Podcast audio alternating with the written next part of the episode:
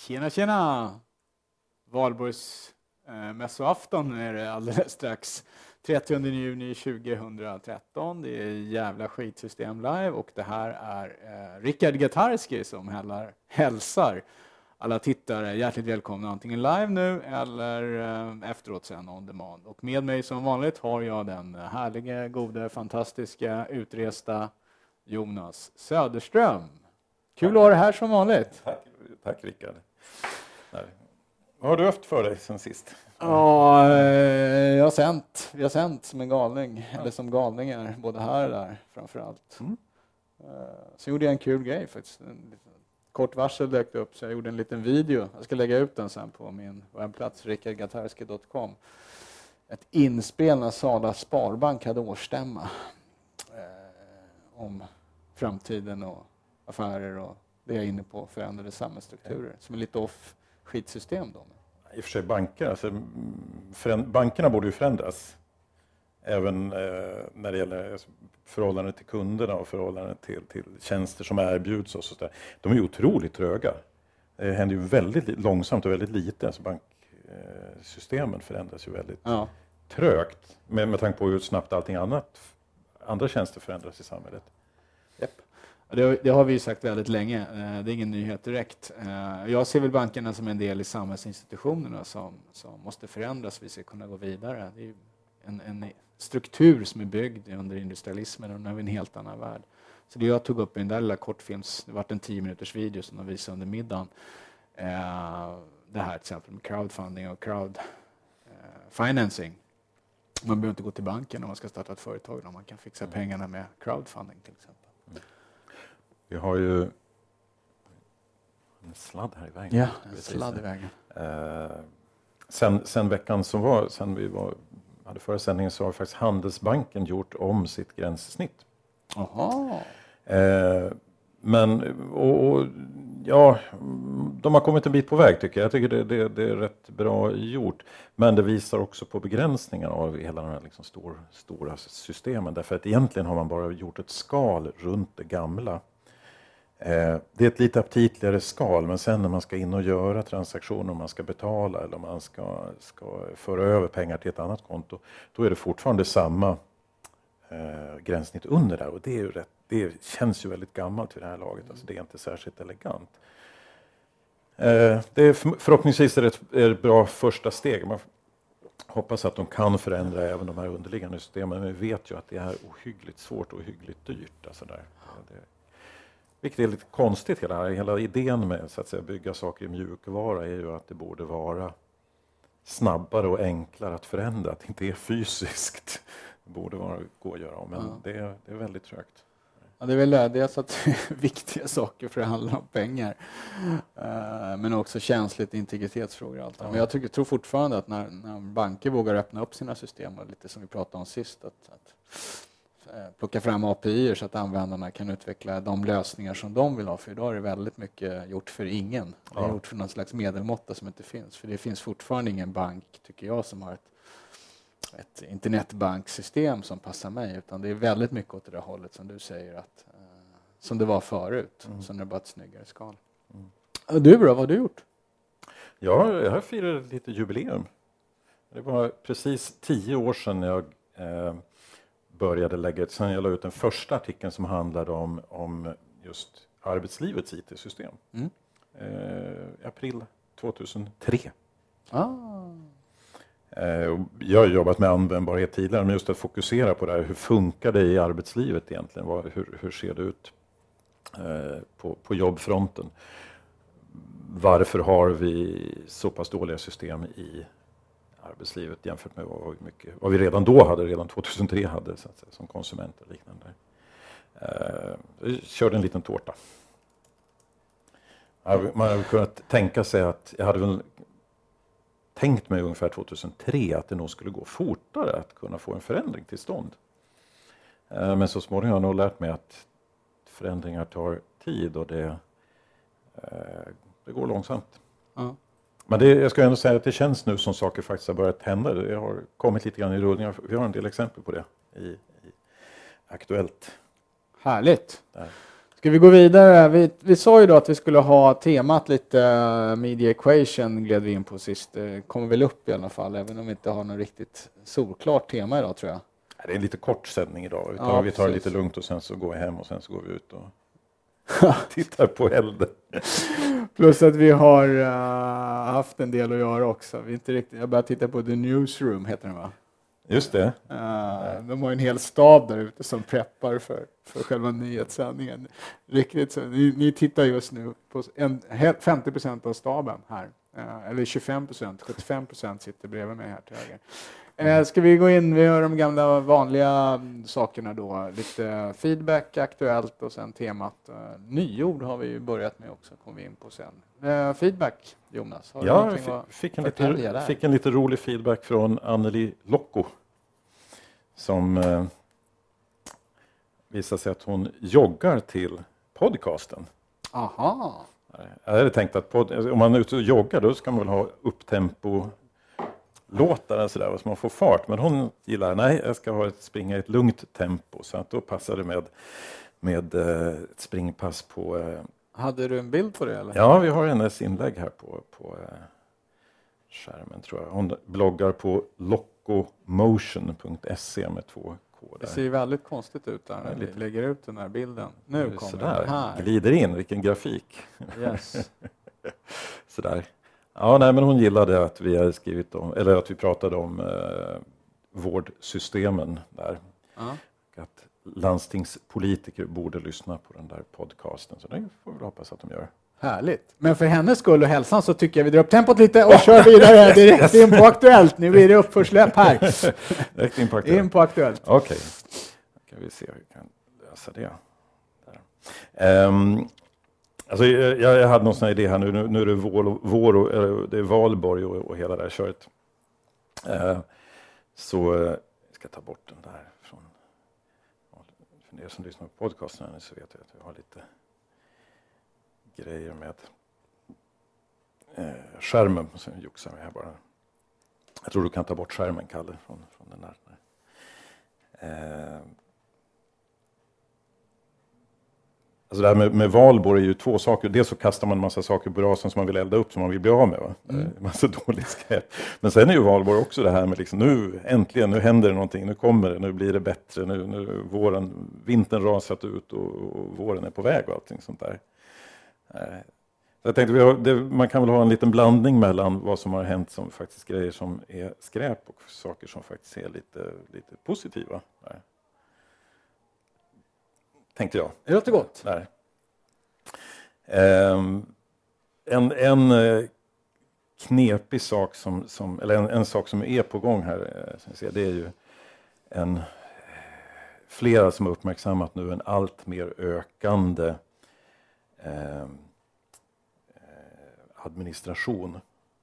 Och det här är mer och mer, tycker jag, allvarligt. Det, det börjar mer och mer likna liksom någon sorts eh, administrativ infarkt i, i samhället. Ja. Vi har en polis som skriver här på Svenska Dagbladet, Stefan Edin, att antalet knapptryckningar på våra datorer, om de skulle kunna räknas, är nog fler än någonsin.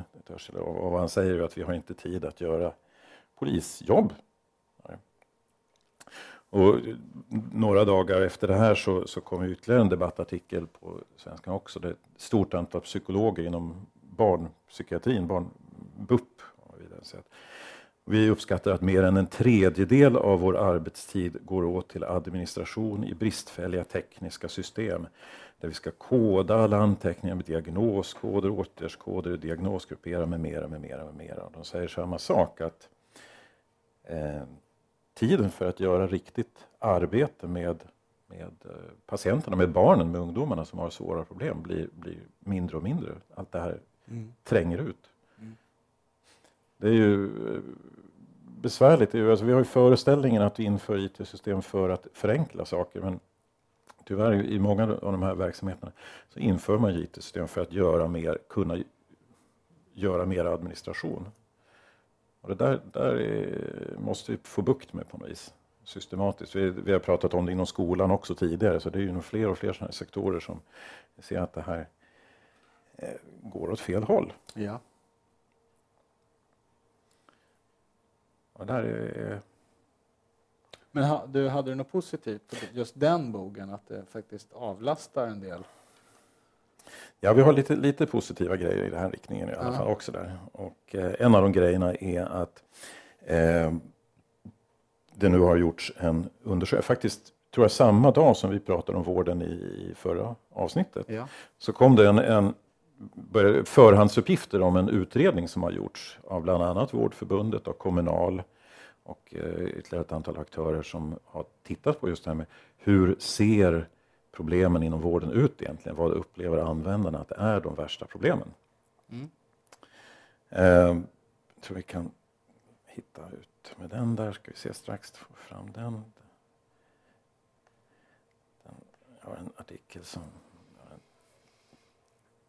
Så här, så här såg artikeln ut när den, den, den lades ut. Och där har man faktiskt gått igenom lite system. Man har, inte, man har, har haft diskussioner med användarna själva om det här. Eh, det intressanta med den här artikeln den är lite grann är att man ser att rubriken på den när den är publicerad, den är publicerad i Vårdfokus som är Vårdförbundets tidning. Då. Eh, den är ju staten uppmanas ta ansvar för användarvänliga IT-lösningar i vården. Och de, de, ingressen är ju då att om, de skriver att omständliga datasystem som gör dig tokig känner du igen dig. Nu kräver Vårdförbundet tillsammans med andra fackförbund inom vården att staten tar ett ansvar för att höja nivån på vårdgivarnas IT-lösningar. Och det är jättebra. En, en rolig sak som man kan se om man tittar noggrant på den här artikeln, det är att när, när, man, ser, när, när man gör ett inlägg på, på eh, de här webbplatserna, då skriver man först en rubrik och sen så har man ändrat rubriken. I, I urlen så ser man att rubriken på den här artikeln från början var Hur kan vårdens IT-system tillåtas vara så usla?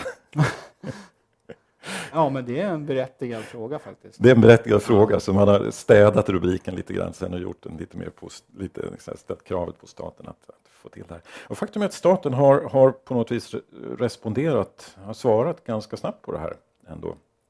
Eh, trots att den här utredningen egentligen inte är officiellt ute ännu. Där. Men det kanske har, har skett någon sorts förhandskontakt där. Men bara för några dagar sedan så kom eh, staten med ett nytt uppdrag till det som heter E-delegationen. Och E-delegationen är de som ligger bakom bland annat det här som kallas riktlinjer för webbutveckling. Det har hetat 24 timmars webben och lite andra sådana saker tidigare. Just nu heter det riktlinjer för webbutveckling. Och det är en väldigt bra resurs som beskriver hur man bör göra och hur man bör utveckla system och hur framförallt då webbsajter bör vara inom Mm. offentlig sektor. Mm. tänkt. Eh, Och nu har E-delegationen fått ett kompletterande uppdrag, nämligen att också titta på hur ska vi kunna, kunna skapa standarder inom IT i vården. Och det pratade vi om förra gången, det här om att en sjuksköterska kan behöva skriva in ett personnummer eh, på fyra olika sätt under en dag. Mm. Med streck, utan streck, med 19, utan 19 och en massa sådana saker. Då. Och kunde man bara lösa några sådana enkla saker så skulle man ju kunna avlasta en hel massa, massa jobb. Där.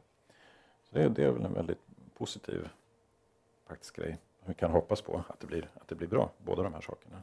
Ja. Ofta tar det tyvärr tid. Det gör ju Den det. typen av process istället för att någon kör igång och kör och gör det vettigt och det sprider sen. sen. Ja. Om, det, om vi kunde få också en sån här disruptiv, snabb utveckling. Jag har faktiskt ett exempel till på det, eh, att det kan gå hur man gör på ett annat sätt. Faktiskt. Vi kan se, ja, vi kan titta lite snabbt på det här. Jag ska bara lägga ut en, en, en stillbild, vi ska inte köra filmen, Okej. men vi ska lägga ut en, en stillbild här tror jag. På, Kalle plockar över. Det här är ett rapportinslag. Och det som man talar om och som man visar om här, det är en app för dyslektiker, en lösning för dyslektiker att kunna hänga med i biofilmer som har textremsa. Mm. Det där är ju naturligtvis, om man nu att vara dyslektiker och gå och se en svensk film då, man är svensk, om man har svenskt språk, är ju inte något problem. va. Men om man, och kan man, är man duktig på engelska så har man kanske inte något problem med att hänga med i en engelsk film heller. Men om man då ja, vill, vill se en film som är på ett annat språk än vad man behärskar som är, som är textad, då, om det är persiska Mm. eller danska. Eller. Så här. Då har man ju väldigt stora problem som dyslektiker för man hi- hinner inte med att läsa textremsan. Och då finns det eh, nu en väldigt smart idé som går ut på att man tar innehållet i textremsorna på filmen och så låter man det läsas upp via syntetisk tal som nu är väl ganska bra. Och så skickar man det till mobiltelefonen hos dyslektikern. Så dyslektikern kan sitta och det är wifi i salongen så dyslektikern kan få i örat textremsan uppläst Mm. synkront med filmen. Jättesmart. Det låter ju bra. Jag är lite skeptisk sådär, för jag vet att eftersom vi, vi är väl, så här, brukar säga ödmjukt ibland världsledande på WeStreamU då, och göra tillgängliga livesändningar. Uh, bland annat TV4 har ju prövat en sån lösning också med talad textremsa eh, som inte har varit någon hit tror jag. Mm. Eh, utan vi jobbar mer med syntolkar då. Det- men det är svårt.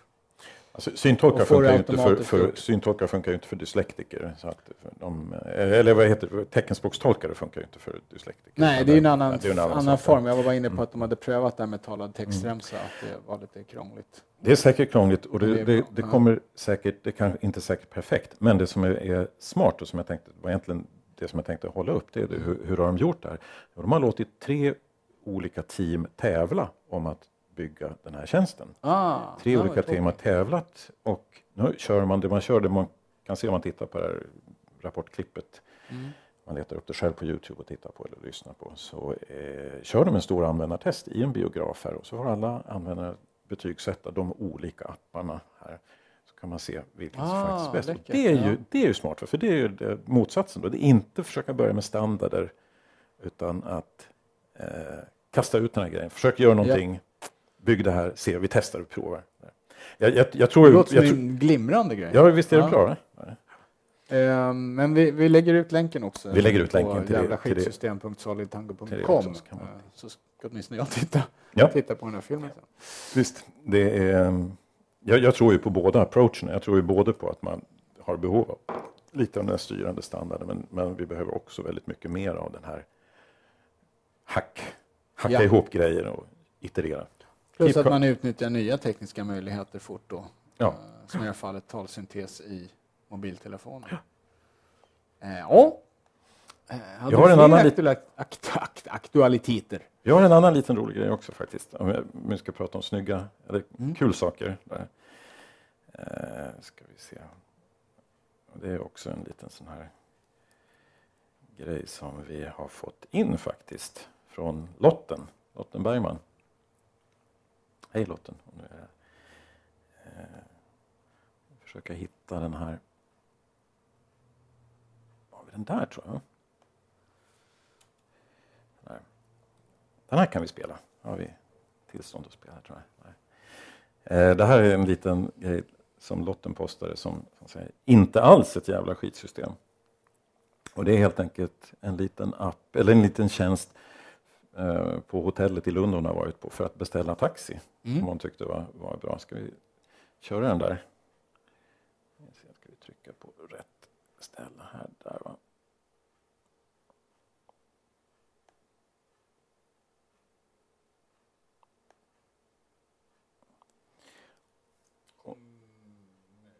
Och det som är visas här, det är en liten skärm och det man trycker på där är åka nu. När vill du åka? Ska du åka till en bestämd station, Lunds centralstation? Ja, ska du ha den nu? Tryck in ditt eh, mobiltelefonnummer. Det är en väldigt snabb liten kort liten inspelning hon ja. har gjort. Ska vi ta den igen? Ja, gör det. Kör den igen. Kör den Jag var igen. lite nyfiken på när jag såg den där eh, snutten. Eh, på den här lilla videon då så ser man en terminal någonstans. En hotellobby eller? I hotellobbyn. Åka taxi, där kunde man nu välja mellan åka nu eller åka senare. Klickar touchskärm på åka senare. Och så får man upp en sån här som man kan välja eh, klockslag och dag då. Idag, imorgon, tisdag och onsdag. Mm. Och sen fortsätta, trycka på en annan knapp, fortsätta och sen så får man välja var man vill åka. Några förvalda ställen då, där jag förstår saken rätt. Ja. Ja. Om man då väljer Lunds centralstation så skriv in ditt mobilnummer så får du ett sms när bilen är framme. Ja. Lotten, det- Lotten tycker det här ser väldigt snabbt och enkelt ut och det tycker nog jag också att det ser bra ut. Och det, är lite, det jag tror är bra med det här är att den, den gör bara en enda sak. Den, den beställer en taxi åt dig. Mm. Hade du någon fundering på den eller? Ja, dels, jag är ju... Vi- jag åker en del taxi nu i Stockholm då när vi är ute och gör livesändningar. Då har vi lite bagage med oss.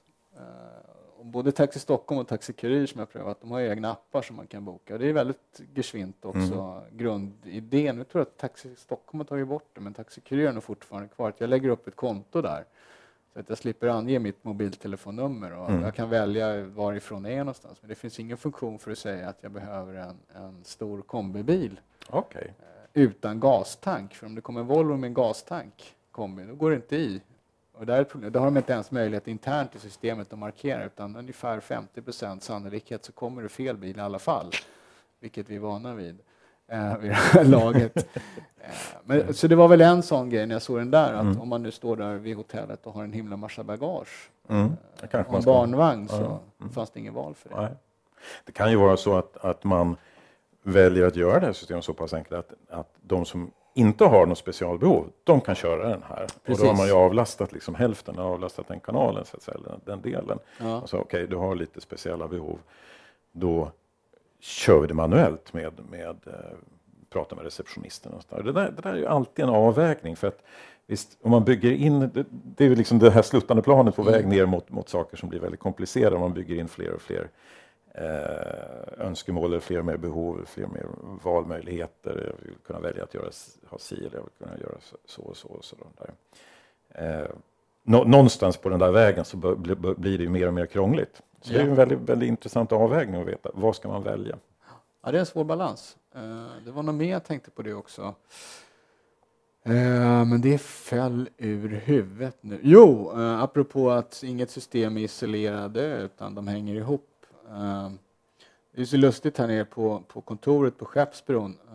Man ser väl inte det genom kameran ut där, men nere till vänster här har vi kontoret. Och eh, för ett år sedan ungefär så beslöt Stockholms stad att de skulle göra om, eller ja, vem det nu var, eh, att adressen skulle ändras från Tullhus 3 till Skeppsbron 27. Mm. Skeppsbron är ju gatan och Ja. på den här sidan vi sitter nu så är det jämna nummer och där nere så är det udda nummer. Borde vara udda där. Då är det så här att Taxi Stockholm har Skeppsbron 27 och Taxi Kurir har Tullhus 3. Ah. Så det gäller att veta var man ska åka ifrån. Och har man inte den adressen så går det inte in. Och är det så att man säger då Skeppsbron 27 till Ja. Taxi Stockholm så kan man ge sig på att de är alltid på den här sidan och letar och kör fel och så brukar det kosta 90 kronor i framkörningsavgift istället för. Men det var en parentes. Men, Ja, det- ehm, Det är, världen är det, komplicerad. ja. Ja. Ja, nästa aktualitet. Hade vi någon mer där? Vi har, vi har- ett litet nyord som jag tänkte vi ska kasta in, men vi kanske ska ta det senare. Ja, jag tycker det. Vi tar det på slutet. Jag tittar just nu att det inte det är ju valborgsmässoafton och intressant då, så att det är inte så många som tittar kan man lugnt påstå. Eh, Jag tror inte det är någon som tittar live just nu. Jag har inte sett på Twitter heller att det är någon speciell aktivitet på hashtaggen eh, brädhög JS live. Eh, vi hoppas på att folk tittar imorgon eftermiddag istället när de har vaknat till lite. Eh, Ska vi åtminstone nämna det här med media equation då? Ska vi gå in på det? eh, som kanske skulle varit Vi, vi lovade det i förra avsnittet Ja, så att det, det lika väl lika bra. bra att du pratar lite grann om det. Precis. Eh, jag, vet, jag kommer inte ihåg hur vi gled in på det. Jag tror att det var du som började någonting. Kommer du ihåg varför vi kom in på det förra gången Jonas? Vi pratade om, om flera olika grejer förra gången men ehm, jag är osäker på faktiskt Ja, vad det var. Vi, vi, vi heller. pratade lite grann om bankomater och tilltalet till dem. Ja, om om vi hade sånt, personligt tilltal. Om, eller om bankomaten tilltalade mig personligt om den sa ta nu emot dina pengar eller om den Ja. hade ett annat typ av tilltal. Jag tog med mig en bok i alla fall eh, som jag köpte för några år sedan. Eh, den här boken, The Media Equation av eh, Byron Reeves och Clifford Ness som när den kom då rörde om rätt mycket i grytan. Sen såg jag för skojs skull här att jag köpte den faktiskt i Stanford Bookstore för 27 dollar, när det nu var 10-15 år sedan. Och sånt där. Eh, jag tyckte det var en höjdare. Jag har inte läst den på flera år då, men eh, även då.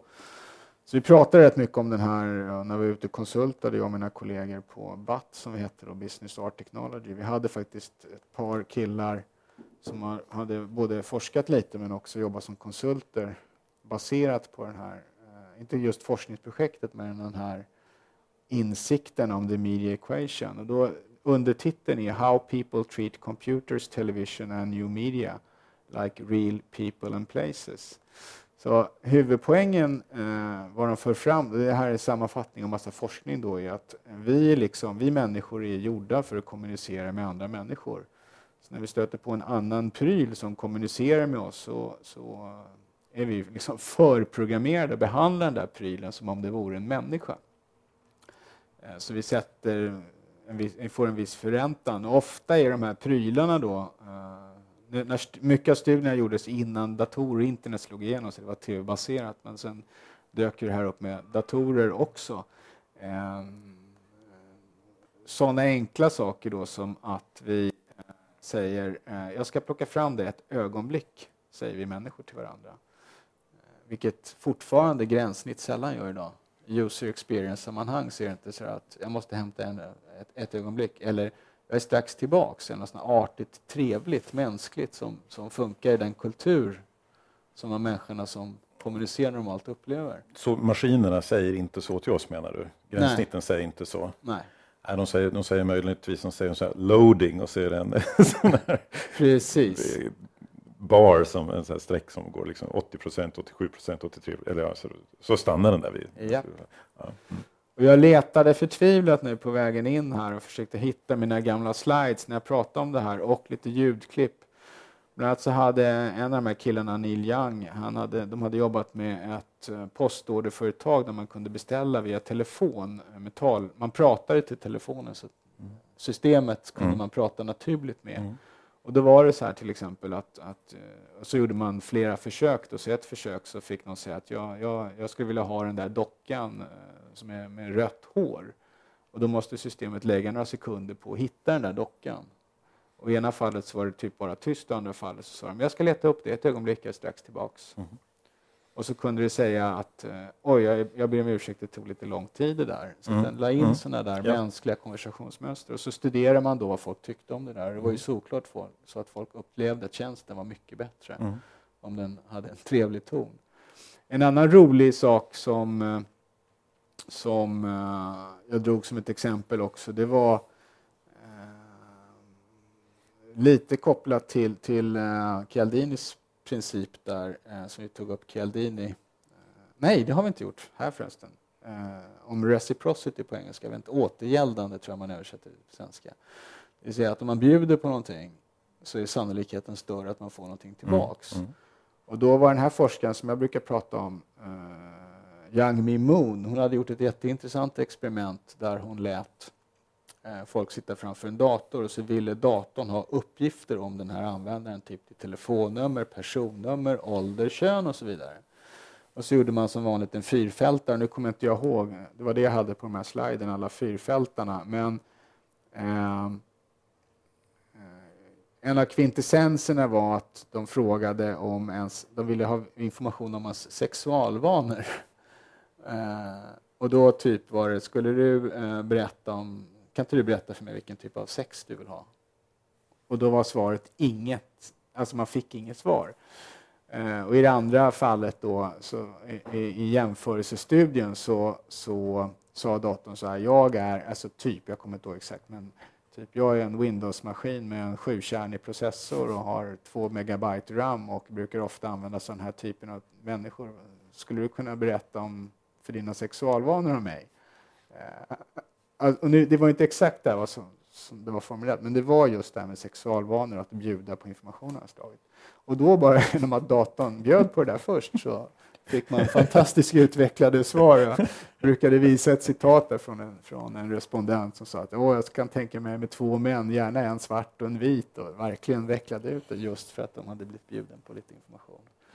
Mm. Um, så det, det, är den typen av grejer, att, att insikten att vi människor behandlar maskiner, eller vi, vi förprogrammerade och jobbar med maskinen som om det vore en andra människa. Och då är det, tycker inte jag, eh, mer än eh, vettigt att utvecklarna också ser till att maskinen kommunicerar tillbaks som en människa. På ett vettigt sätt. På ett vettigt på ett och trevligt och artigt och på ett, på, i den kulturen där den här maskinen verkar, så att säga. Den mänskliga kulturen gör det enligt den kulturens mm. mm. normer. Mm. Eh, vi kom väl in på det här också, för det, det exemplet du tog upp förra gången, det var någonting med datorn vi, vi, tog inte upp, vi pratade, eller jag tror att det, vi tog inte upp med det, men det, det, finns ju också en sån här studie som, som visar att när man ställer, eh, om man låter någon testa ett spel eller testa en, en, en tjänst ja, på en dator. Eh, och man sen, först får de testa den här, den här tjänsten och sen så ska de fylla i en, en typ av enkät eller något här svarsalternativ. Om man låter dem fylla i de här alternativen på samma maskin som man har testat, som tjänsten har legat på, som spelet har legat på, eller någonting sånt där då är de lite snällare. Men om man flyttar dem så att de först testar tjänsten på en maskin och sen så fyller i enkäten på en annan maskin, en annan skärm, en annan dator. Då blir de, in, då blir de lite mer kritiska. Där. Mm. Eh, man, är, man är lite sådär, man uppfattar maskinen som en, eh, någon som man inte vill såra riktigt. Jag vill inte såra, jag vill inte säga nej det här var ett kast, en kasttjänst, det här var ett uselt spel. Så här. Säger man, ah, var ganska bra ändå. Om man ska säga det till, till den. Ja. Men, det, men det finns, det finns uh, en hel del uh, Tittar man just nu tycker jag på, på tjänster som finns på nätet och sånt där, så är det väldigt många som ändå är, har en väldigt bra attityd och man har liksom en social attityd. Uh, det, men återigen, det är tjänster som vi använder som konsumenter i många fall. Men däremot många av de här officiella systemen mm. är väldigt lite responsiva. För, nu vet jag inte hur stort, för, för, när det här dök upp på, på min radar så att säga då, så, så jag, och är fortfarande oerhört fascinerad. Och jag, jag vet ju inte ens om det är inne idag eller om man fortfarande pratar om det, men, men jag tycker i alla fall det är alldeles för lite åt det här hållet. Mm. Det, det, är, enkelt att testa i alla fall, mm. tycker jag. Lägga in lite och se hur det fungerar. Uh, man, man, borde göra... Uh, de som utvecklar system borde testa och göra mer och mm. våga mm. pröva uh, den här typen av saker.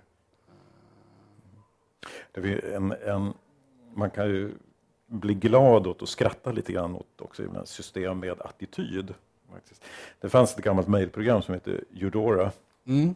som jag använde till för ett år sedan, någonting sånt där fortfarande. Och det funkar. Eh, en sak man inte kan göra i ett mejlprogram det är ju typ att skriva direkt in i mejlet som man har fått. Utan man ska ibland glömmer man ju det, man glömmer trycka på reply och så börjar, då kan ja. man börja skriva. Utan man läser mejlet så är man så engagerad, så jag ska svara på det här direkt och så börjar man skriva. Och då går det ju inte. Och, och eh, tråkiga mejlprogram de, de skickar upp en dialogruta där det står liksom impossible to type in, in mail eller någonting sånt där. där. Mm. Um, men det här Eudora är en version, de skickar upp en liten dialogruta där det stod här. Since nobody is listening you might as well stop typing. Eftersom ingen lyssnar så kan lika gärna sluta skriva. Och det är ju inte, det är lite, det är, det är inte direkt artigt och snällt, va? men det, det, har en, en attityd som ändå kändes sådär att, ah, oj, kul. men det är, så, det är därför jag säger testa. Snygg, snygg humor. Ja. Snygg, snygg, ja. men, men den bör testas och prövas. Den bör testas och prövas. Jag, jag, vet inte, jag har tänkt säga det förut så jag kommer inte få på, säga ifrån det, men jag har sagt det förut just i jävla skitsystem live, men jag har tänkt säga det flera gånger här. För I slutet på 80-talet så jag gjorde ett administrativt system och utvecklade det åt företagsekonomiska institutioner där jag var. Eh, och en del av då var när, om en student ville ha fram alla sina tentaresultat, så fanns det en databas. Och vad jag gjorde då, eh, var jag, jag visste om, om att få den här, för den här databasen och hämta fram de uppgifterna som behövdes så skulle det ta en 10-20 sekunder ungefär. Så då skojade jag till lite och så la jag ut en text där det stod ett ögonblick fikar. Ehm, tyckte jag var lite roligt då, apropå humor. Eh, sen dröjde det några veckor, sen kom de upp från studentexpeditionen och var lite sura på mig för det var jättemånga studenter som var nere och klagade på expeditionen att de var fikade hela tiden när de behövde få ut sina uppgifter. så jag, fick, jag kommer inte ihåg exakt hur jag formulerade ja, det. Det, det, var inte, det var kanske inte så Nej. lyckat. Här, liksom. Men jag tycker fortfarande att man kan ta det med en gnutta humor ibland eller lägga in en mänsklig aspekt. Definitivt. Ja. Ehm, just det. Du hade ett boktips, jag har ju faktiskt också ett, ett boktips. Uh, men vi pratar också, jag har också utlovat ett nyord. Ja. Där. Ska vi uh, berätta om det? Vi hade ett nyord förra uh, veckan. Då pratade vi om etismen. viljan, strävan att försöka göra ett stort system som ska klara allting. Där, den ofta missriktade mm. idén. Sen har vi ett nytt ord som vi har fått från Johan Berntsson på Useful. Han, då, han har ett blogginlägg som heter så här, tre skäl till att bra design bryts ner med tiden. Vad han skriver här om är att han för tio år sedan så designade han ett användargränssnitt för ett kassasystem. Typ ett sånt där som man har på restauranger. Man ska till exempel. Eh, touchbaserat. Eh, pionjärjobb, touchbaserat för tio år sedan. Bra gjort. Eh, och då gjorde de ett jobb som han var väldigt nöjd med och, och alla var supernöjda med resultatet också. här och enkelhet. Och så nu har han fått se det här systemet hur det har blivit efter tio år. Och sen, då skriver han då att idag blir jag lite ledsen när jag ser hur det här har utvecklats. Mm. Eh, det som var ett snyggt och rent och elegant system har fått en massa extra nya detaljer. Det har hänt saker med det här som, som inte motsvarar det som vi tänkte. Eh, han har, så det här systemet hade en yta för meddelanden till kassapersonalen. Och då fanns det en, en till och med en, en eh, alltså ett affärstänk i det här, för det som skulle dyka upp här på det här meddelandet. Det var meddelanden eller frågor för merförsäljning. Har du tänkt på, behöver du också köpa det här, behöver du också där. Har du tänkt på att köpa penslar till färgen, har du tänkt mm. på att köpa lacknafta, allt sådana här saker. Mm. Och det här var i, i Johans ursprungliga design så var det här en stor och tydlig ruta med stor och tydlig text. Och när han får se det här nu så ser han att oj, den har krympt ihop och det är liten text. Och det som matas ut på den här ytan är en massa andra typer av meddelanden som verkar ha med systemet att göra med systemet. så här, så här, så här, order processed ja. kan man tänka sig. Och, och, andra saker. Och, och, den här, istället har man då kastat in en massa nya knappar i, i det här. Då. Så dels så, så, funderar han ju på hur går det här till? Varför sker det här? Och, och vad ska man göra åt det? Och han konstaterar att, att ytterst så handlar det här om att den som har ansvar för systemet måste förstå att design är business. Design, användarupplevelsen driver mm. eh, verksamheten och driver affärerna. Det är inte bara att kasta in eh, där, nya knappar och sådär. Men, men hans nyord i det här som jag tyckte var lite roligt det är gränssnittsentropi. Och entropi är det ordet vi har för att beskriva att saker liksom går sönder, liksom faller, faller sönder i bitar. Om man har någonting som är stort och helt från början så allting i världen utvecklas mot att falla sönder i smulor i princip. Eh, entropin. Och, det, där.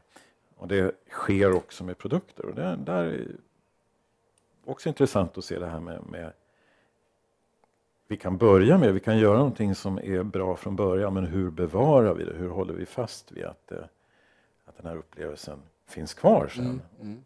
Eller hur, hur anpassar vi det? Och jag menar, det är klart att man måste säkert anpassa det, för saker har säkert förändrats på tio år. Men att se till att även anpassningarna funkar.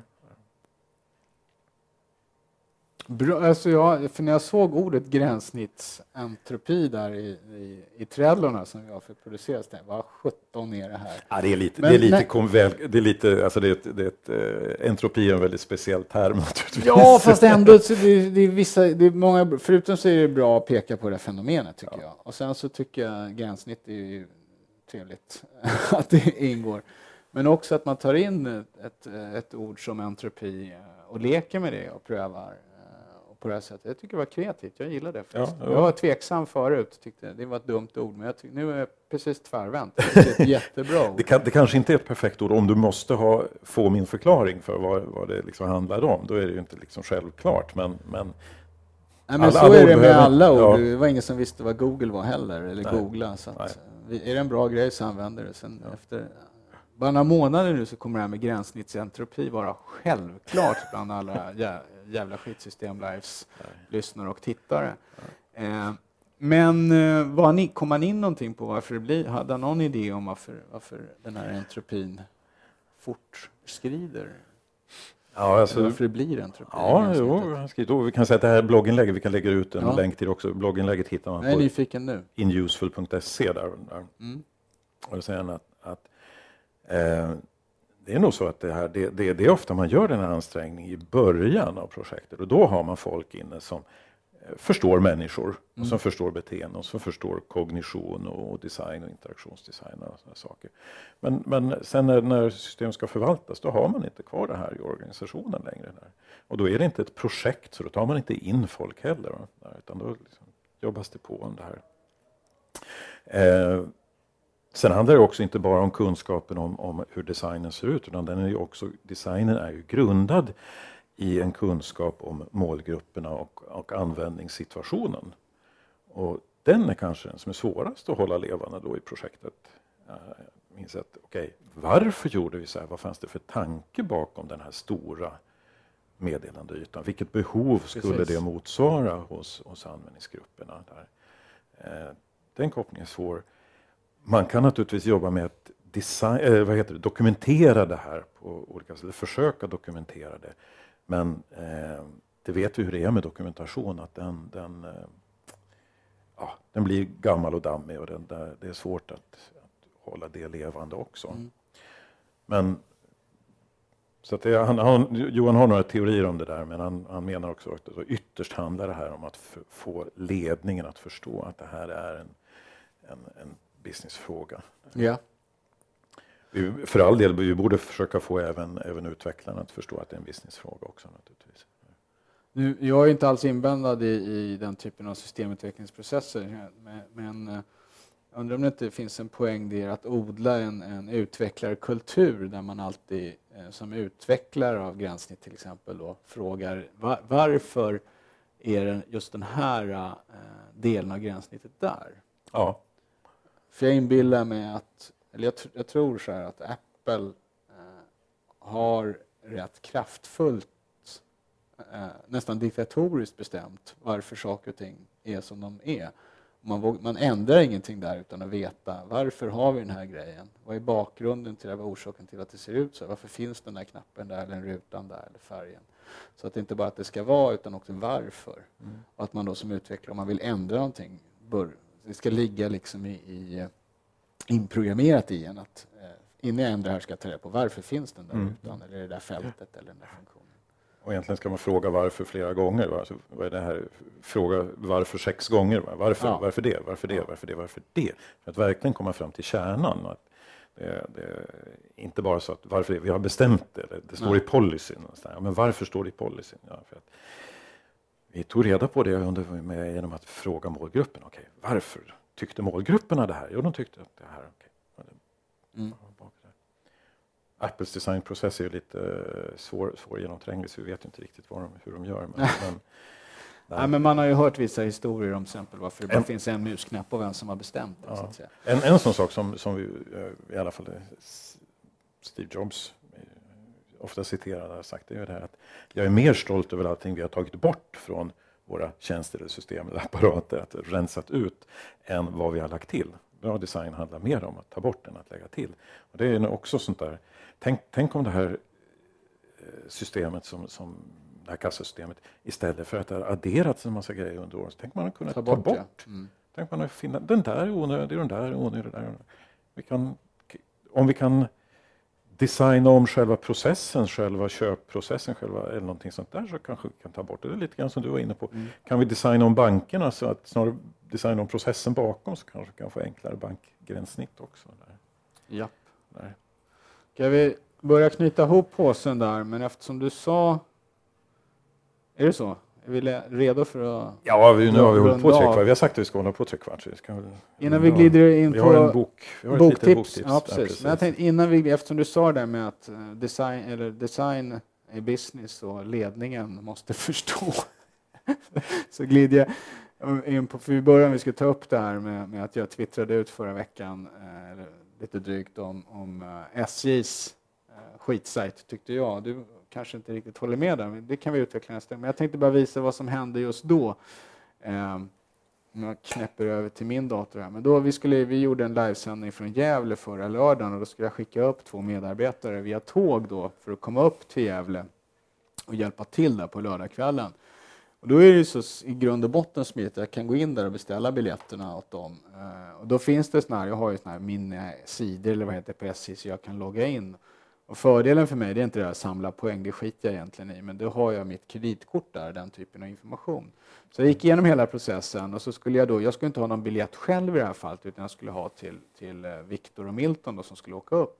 Och då visade det sig att jag kunde inte köpa den biljetten när jag var inloggad som min användare. För då måste jag ställa ut en biljett i mitt namn också. Så då fick jag logga ur och göra om hela processen och välja tåg och fram och tillbaks. Och det är där man är stressad, då ja, blir man ju ja, lite mm, upphetsad mm, där så att säga. Man säger så. Men så kommer jag fram och ska beställa, om vi kan lägga ut det i bild här ska jag försöka beskriva också. Jag väljer då leveranssätt mobilbiljett, det är jättebra så de bara får ett sms med sin biljett. Och så fick jag fylla i kreditkortsinformation, nummer, CCV-kod, kortinnehavare, allt det där, mitt mobiltelefonnummer och så vidare. Och sen skrev jag in då deras namn, förnamn, efternamn och mobilnummer. Och det här nere då, att, ange de som ska resa, den för, efternamn och mobilnummer, det är jätteenkelt. Men sen visar det sig att det finns en ruta lite längre upp här där det står mobilbiljett till svenska och danska mobilbiljettnummer och så står det förnamn, efternamn. Och där skulle man också fylla in och då förstod inte jag riktigt, ska jag fylla i där också? Och det är inte jag, vem ska stå där? Så jag struntade i det. Mm. Så att jag fyllde i allting utom förnamn och efternamn på det andra stället på mobilbiljett, klickade skicka och då får jag upp en sån här vansinnigt, inte något mänskligt humant felmeddelande utan illröda siffror som talar om att det var helt knäpp. Felkod 167395. Och så kastade jag sig tillbaka igen och fick fylla i alla uppgifter igen. Och då skrev jag mitt namn. Så att, och då var jag lite upphetsad. Eh, så då twittrade jag ut det där. Och det där har ju fortgått i flera år. Ja. Och då menar jag, anledningen till att jag inte gör någonting tror jag att ledningen inte förstår att det här är business och bestämmer att nu måste vi fixa det här. Vi får prata med SJ-ledningen där. där. Ja, jag är inte så intresserad av att lyssna på det. Men eh, ja, jag ville bara ta upp det där exemplet. Ja. Det, här, det här är lite intressant för att jag, jag beställer ju biljetter rätt ofta också. Jag har sällan problem med, med SJ där, men jag har inte gjort just den där manövern. Jag har inte beställt för någon annan och försökt få det till en mobilbiljett etc. Det, eh, det, det finns när det finns väldigt många alternativ, många sätt att göra saker, så man måste ju testa alla mm. de här varianterna som finns, alla sätt att göra de här grejerna. Det är väl inte alltid som man tar sig tiden att göra, gå igenom alla flöden kanske, Nej. alla möjligheter, alla kombinationer. Boktipset då? Ja, precis. Jag har ett tips här. Jag har har en här, har den på skärmen också faktiskt, boktipset. Det är en bok av Tim Harford som heter Adapt. Känner du till Tim Harford? Nej, jättespännande. Han är ekonom egentligen och är krönikör ekonom i, i engelsk, brittisk press bland annat. Han har skrivit ett par böcker som heter The Undercover Economist men han är en bra ekonom. Han är, har den här... Sådär. Han har eh, grunden i mänskligt beteende. Säga, hur beter sig människor? Där, mm. Hur detta påverkar ekonomin. Den här är inte specifikt, inte bara om ekonomi, utan den här handlar väldigt mycket om eh, varför saker går fel. Den har en undertitel som är Why success always starts with failure. Eh, och han, vad han argumenterar för här är att det vi har, eh, ett, det bäst, de bästa sätten att försöka lösa problem, det har naturen själv. Och det kallas evolution. Och evolution består till väldigt hög grad av trial and error. Man kastar ut en massa sådana här förs försök. Va, där. Och så ser man vilka som är, eller det, visar sig vilka som är livskraftiga. Mm. Och, och, där. och så varierar man och så provar man någonting nytt och så kommer man med nya, nya försök. Och, där. Eh, och det här fungerar ju i, i naturen och det fungerar i bästa fall också inom, inom ekonomin, inom marknadsekonomin mellan företag som, som konkurrerar på det här viset. Men, men eh, i många sektorer så funkar det här ju inte där. Eh, och han tar upp väldigt bra eh, skäl, förklaringar, skäl till varför stora projekt till exempel ofta går väldigt fel. Man investerar väldigt mycket i, i att göra väldigt stora satsningar, väldigt stora projekt. Och, försökte, och det är lite grann den där etismen som vi pratar om. Man pratar mm. om grandiosa projekt, både inom företag och inom stat och organisation. Man vill göra de här jättesatsningarna som ger väldigt mycket prestige och som ger, ser väldigt imponerande ut, men som påtagligt ofta går fel. Va? Han pratar också väldigt mycket om den eh, övertro på en hierarkisk organisation inom företag, inom organisationer, inom, inom stat och så vidare. Som, som med den här bilden av att, att det sitter någon chef på toppen här som ska förstå allting och fatta stora beslut och peka ut riktningen. Så mm. Information ska komma upp till honom och sen ska det via allt mer sofistikerade IT-system, hela den här insamlingen av data, hela den här rapporteringen av, av, detaljer och så ska man kunna fatta något sorts rationellt beslut upp. Och han visar ju väldigt tydligt att det där är en chimär, att det, det, det funkar inte i dagens samhälle. Den här hierarkiska organisationen är extremt dåligt anpassad till att försöka lösa de problem vi har nu, att snabbt komma fram med nya lösningar på svåra problem. Väldigt intressant, väldigt inspirerande bok. Eh, Sa du när den kom? Eller? Den är från 2012, så den är alldeles, ja. eller nästan alldeles färsk. Vi har, ska vi se, jag ska få fram den på skärmen också kanske. här. Så där ser den ut, i, åtminstone i någon del av upplagorna. Någon där. Eh. Frågan är, för jag gjorde en anteckning här om vi skulle ta det till tema nästa gång eller framöver. Den typen av tänke i termer av utveckling. Eh, fördjupa oss i det. För jag hade ju en del av det i min forskning också med ja. genetiska algoritmer. Det går, det, det här, vi kommer ju tillbaka till det här hela tiden tycker jag. För det är den här iterera, gör enkelt, gör någonting lätt. Eh, återupprepa det. Eh, kasta bort det. Fail, early fail, cheap och det här. Mm. Mm. Eh, istället för att bygga de här stora, stora komplexa och stora eh, långsiktiga lösningarna. Som, som, när de är klara ofta är överspelade till exempel. Yep. Verkligheten har förändrats runt omkring. Kanon, tack för det. Um, då är vi färdiga för idag. Vi sa nästa gång, vi gjorde en liten tidsändring där. Vi hade sagt förut den 15 tror jag, men nu säger vi nästa gång kör vi live den 14 maj klockan 16 eh, för att hinna med. Eh, och temat då kommer vi säga vad det blir. Vi får se vad det blir. Vi, kan, vi skulle kanske försöka få med någon, någon gäst. Ja, där. jättegärna. Vill, vill du vara med? Så hör av dig. Mässa in. Eller så kanske vi kan gå på någon och höra. Det är så svårt det där när vi börjar en halvtimme innan sändning. Lite bättre planering. Alltså, väldigt mycket ny nyhetstempo. Ja. När vi inte har någon stab som ringer upp folk. Liksom, ringer, ringer in folk till programmet. Där. Den kommer framöver. Som har i Newsroom. Där. Eh, tack snälla för att eh, någon tittade in idag på livesändningen. Vi vet att det är många som tittar efteråt. Eh, vi kommer att publicera podcasten, alltså som ljud fil alldeles strax här nu under eftermiddagen och kanske innan dygnet är slut så finns även den arkiverade versionen av dagens webbsändning, livesändning uppe. Ha det gott. Vi syns igen alltså den 14 maj klockan 16. Klockan 16. Och hörs. Mm. Tack. Hej då.